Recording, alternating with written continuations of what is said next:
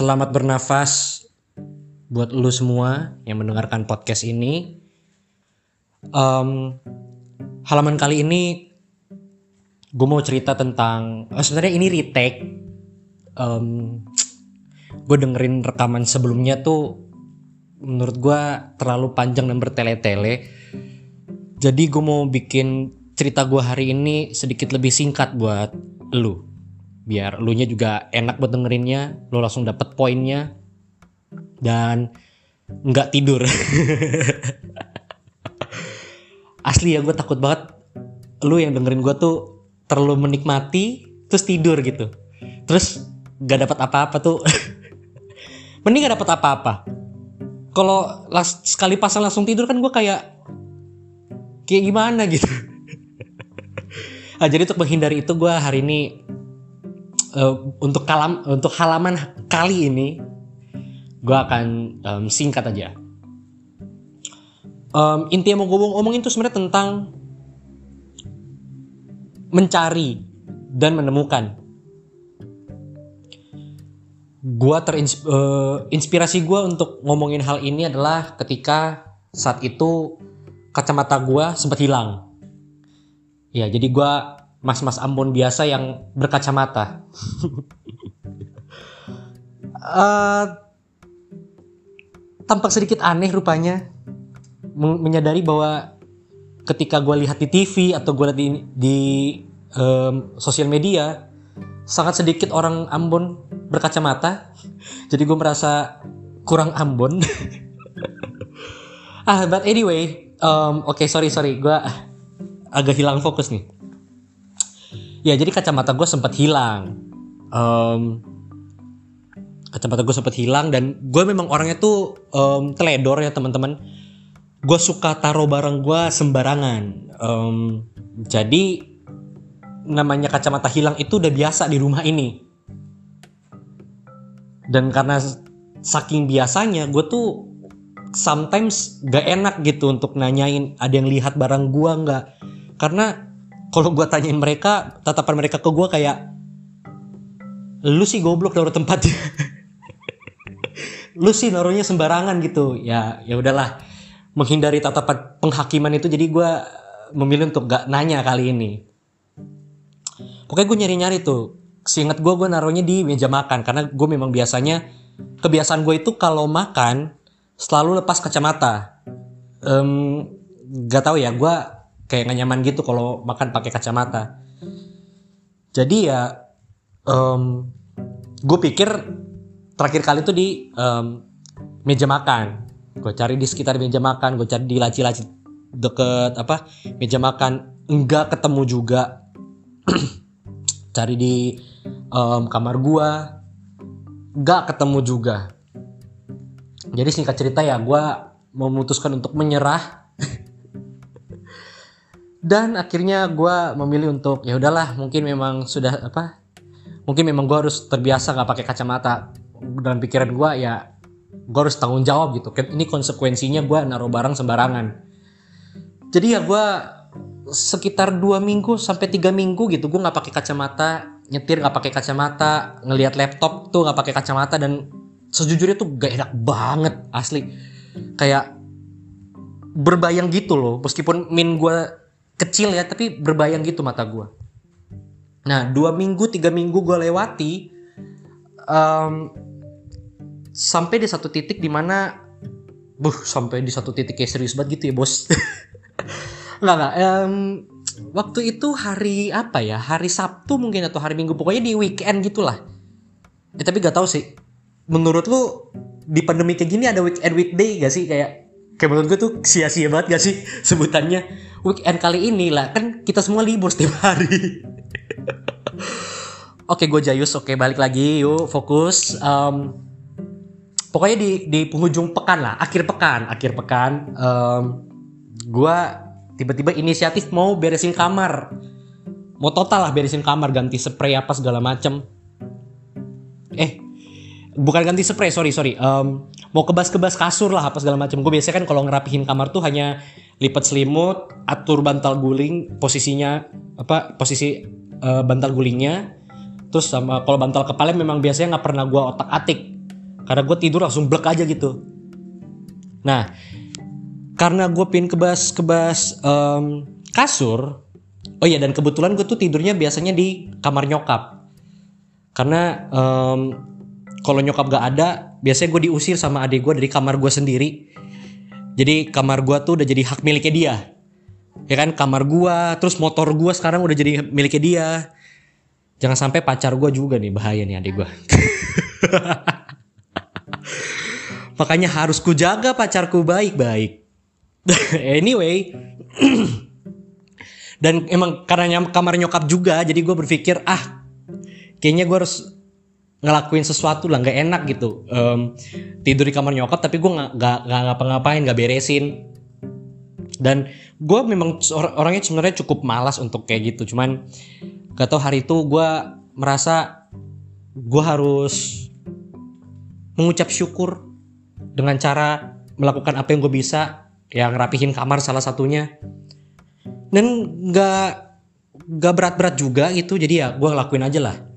Gue ambil sapu lidi gue mulai bongkar-bongkar uh, apa gue mulai sapu dulu oh gue tarik kok gue jadi lupa urutan ceritanya ya? Gue oh gue ambil gue ambil dulu selimutnya gue lipet taruh di tempat lain bantal gulingnya um, terus gue kebas-kebas. Jadi bantal kepalanya tuh masih ada di kasur posisinya di di bagian bagian kepala kasur lah. Kalau kalian bisa bayangin ya. Pokoknya gue belum otak atik sama sekali bantal kepalanya. Gue kebas-kebas. Terus gue mikir, ah ini bawah bantal sekalian aja kali ya gue kebas ya. Pas gue angkat, ternyata kacamata gue di situ guys. Selama dua minggu ini, ya, gue tidur di kamar gue tanpa menyadari bahwa sebenarnya kacamatanya di bawah bantal gua. Betapa bodohnya Gian Piero nyari ke sana kemari membawa alamat palsu, cialah alamat palsu. Nyari kacamata yang ternyata ada di sampingnya dia selama ini. Ya jadi kalau buat gambaran buat kalian ini ya, um, misalkan kasur nih, kan bagian kepalanya dempet sama tembok baru uh, bagian kepala lah gitu. Terus kan biasanya ada sisi kiri sisi kanan tuh kalau naruh bantal. Gua selalu tidur di posisi kiri karena deket colokan kan. Biar sekalian main HP atau nonton YouTube atau ngerjain tugas tuh enak jadi bisa senderan lah. Nah sebelah kanan itu memang selalu kosong. Karena gue juga gak pernah tidur di tengah-tengahnya gitu loh jadi gue selalu tidur di kiri Nah, kacamata gue tuh ada di bawah bantal sebelah kanan kasur gue. Eh, kasur nyokap. Hak milik juga lah di kasur nyokap gue. Nah, ternyata tuh ada di situ. Jadi selama ini gue tidak menyadari bahwa yang gue cari sebenarnya persis di samping gue, guys. Persis di samping gue kan gimana gitu ya. Tuh gitu kan gue gak harus capek-capek dua minggu nyetir tanpa kacamata tuh bahaya loh itu. Gue bisa nabrak itu. Jadi apa inti dari cerita ini? Apa inti dari kebodohan Gian Piero kala itu? Yang gue mau sampaikan adalah gini. Um, beberapa dari kita, mungkin lu, um, punya keinginan. Ya kita semua lah punya keinginan. Gua, lu yang dengerin Nah, keinginan ini ya pastinya ingin kita cari dong, ingin kita dapatkan dong. Betul gak sih? Kita selalu mencari um, apa yang kita butuhkan, apa yang kita inginkan. Kita kita lakukan segalanya untuk apa yang kita mau. Sebagian orang mendapatkan apa yang dia cari dengan usaha keras, dengan dengan effort yang lebih, dengan um, segala kemampuannya dia dia dia dia kerjakan yang dia bisa untuk mendapatkan atau menemukan apa yang dia uh, cari selama ini. Mungkin dia nyari passion dan dia ketemu dengan segala macam usahanya. Mungkin dia cari pengalaman dan dia ketemu. Mungkin dia cari jodoh dan dia ketemu. Pokoknya gue percaya banyak dari kita yang punya pencarian dan sebagian dari kita mendapatkan. Nah, sebagiannya lagi mungkin lu dan mungkin juga gua kita mencari tapi kita belum ketemu. Kita nggak dapat apa yang kita cari. Atau mungkin kita sudah dapatkan yang kita cari, namun um, karena kebodohan kita yang kita cari itu hilang. Um, yang gue dapatkan dari kejadian itu adalah sering kali yang kita dap, uh, untuk mendapatkan sesuatu atau gini sering kali yang kita dapatkan itu bukan hasil usaha kita pernah dengar rezeki Tuhan yang atur nah sometimes jika memang itu sudah rencana Tuhan maka itu akan dap itu akan lu dapatkan jadi jadi berusaha itu salah dong, yang enggak juga. Usaha itu bagian kita. Tapi untuk dapat atau tidak, untuk ketemu atau enggak, itu urusan yang ciptain kita karena dia yang paling tahu. Bagus gak kita dapat ini? Baik gak kita dapat ini? Lebih baik dapat sekarang atau nanti? Ah itu itu semua Tuhan yang atur dan Tuhan bisa ngelihat itu. Kita kan hidup untuk hari ini, kita nggak bisa lihat jauh ke depan itu hanya harapan kita tapi kita nggak tahu exactly jalannya seperti apa tapi dia menciptakan kita dia lihat jadi dia tahu kapan baiknya kita dapatkan atau apa yang lebih baik untuk kita dapatkan. Pelajaran yang kedua adalah sadari bahwa siapa tahu sebenarnya yang kita cari selama ini ada di sekitar kita.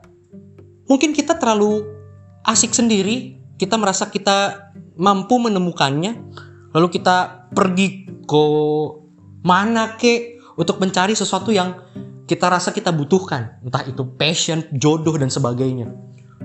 Lu lakukan segala usaha lu untuk menemukan itu, terus lu capek, terus akhirnya lu pulang, dan lu menemukan bahwa apa yang lu cari ternyata ada di rumah lu. Nah, kita sering kali tuh sibuk sendiri aja gitu sama diri kita. Kita tidak memberi ruang untuk eh, orang-orang di sekitar kita. Kita tidak memberi cukup ruang bagi mereka mengisi hidup kita. Kita sudah lebih dahulu menolak mereka karena kita melihat satu dua kesalahan mereka kepada kita, sehingga kita hmm, apa ya istilahnya kayak jaga-jaga tapi coba deh, ambil waktu sejenak untuk bernafas saja nggak apa-apa. Yang namanya mencari sesuatu dan belum ketemu tuh pasti lelah gitu. Tapi coba keep calm, santai, tenang. Lalu coba mulai lakukan sesuatu yang lu bisa untuk hal-hal di sekitar lu atau orang-orang di sekitar lu. Mungkin hal hal sederhana yang bisa lu lakukan adalah kasih senyum ke bokap nyokap lu. Mungkin selama ini lu ketus sama mereka, Mungkin lu capek karena kerjaan lagi numpuk atau tugas kuliah lagi banyak, PR dari sekolah bertumpuk-tumpuk. Lu ingin orang tua lu bisa paling enggak menghibur lu tapi yang mere yang mereka beri ke lu malah sebuah tuntutan dan tekanan gitu. Ya gue tahu itu menyebalkan tapi gak gimana ya. Tapi coba untuk lu balik pikirannya gini, bagaimana dengan mereka? Siapa tahu mereka juga punya tekanan yang sama dalam hidupnya, tapi lu nggak tahu. Coba tuh kasih senyum aja, meskipun gue tahu berat, gue gue tahu agak pahit pasti. Tapi itu jauh lebih baik untuk kita lakukan karena kita nggak pernah tahu. Siapa tahu ketika kita bisa kasih senyum, mungkin hari ini gak terjadi apa-apa, tapi besok, lusa, satu minggu, dua bulan, sepuluh bulan, dua tahun, ada sesuatu yang akhirnya kita temukan dalam orang tua kita. Baik atau buruk, yang pastinya bisa membuat kita belajar jadi lebih baik, belajar untuk bisa mengasihi mereka, melakukan yang terbaik untuk mereka. Atau mungkin lu belajar untuk mendengarkan teman-teman lu. Ya, siapa tahu ketika lu mendengarkan mereka, lu kasih mereka advice atau lu bantuin mereka ngelakuin A, B, C, lu bisa temukan passion lu. Jadi alangkah lebih baiknya menurut gua kalau kita memberi diri untuk bisa uh, melakukan sesuatu untuk orang lain. Karena nggak hanya kita yang mencari, mereka juga mencari dan butuh saling bantu untuk bisa mencapai titik kita masing-masing. Meskipun urusan hidup adalah urusan masing-masing, tetapi untuk menjalani hidup kita butuh orang lain.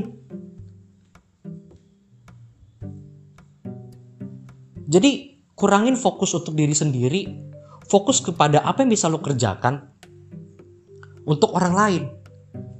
Karena percayalah, apa yang terbaik untuk diri lu sudah ditentukan oleh sang pencipta.